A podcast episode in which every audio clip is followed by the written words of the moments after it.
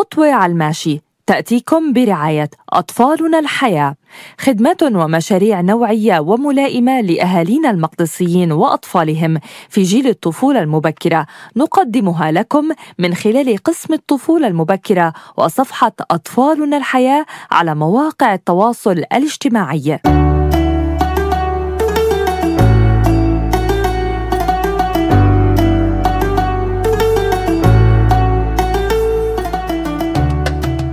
خطوة على الماشي مكمل معكم بالحلقات الخمس الأخيرة.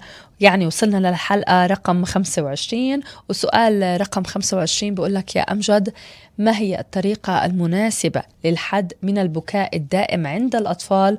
وتعليمهم أنه طريقة البكاء لا تحقق لهم الطلبات وهي ليست الطريقة الصحيحة والمثلى حط الساعة بدايتين يلا. عمليا الأطفال لما بتبكي هي عبارة عن طريقة اتصال وتواصل. كيف بتبدأ؟ من وين بتبدأ؟ بتبدأ في إنه جربوها مرة مع الأب أو الأم وبهاي الطريقة حصلوا البدهنية. فكيف أنا بقدر أحد من هذا البكاء الدائم؟ إنه أنا أفرجيه إنه في البكاء ما بتاخدوش ولا أي إشي. في حين ما هن بيبدوا يبكوا وهون الفرق ما بين البكاء وما بين نوبة الغضب كمان نفس الشيء. بنجيب مؤقت زمني ولكن إحنا هون بنوبة الغضب بيكون في تخبيط وبكون في غضب هون بكون في بس بكاء. إحنا بنقيس الفترة الزمنية ما بنحكي معهن وبحين ما هن بيخلصوا ما بنعطيهن البدهنية بهي الطريقة أنا من جهة بكون بعرف قديش المدة الزمنية تبعت البكاء وبالآخر لما هو ما بياخذ اللي بده إياه بس هو يهدى. أنا مباشرة باجي بفوت في موضوع آخر أو بفوت في فعالية أخرى.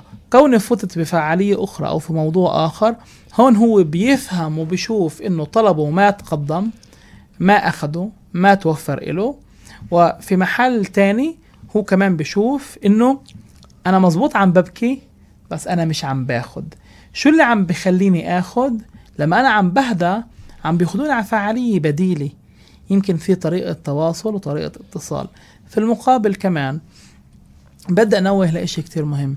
يحكوا كتير منيح مع أولادهم وبدأ نوه لفكرة إنه ما يخربطوا بالكلمات ما يتدلعوا بالحكي ما يتدلعوا بأسماء أولادهم يلفظوا الكلمات بصورة واضحة عشان هن يتعلموها يكتسبوها يعرفوها يكونوا فاهمينها ويكونوا عارفين وين هن موجودين.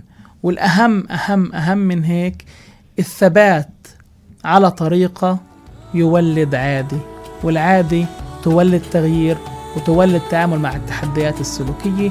ورمضان كريم.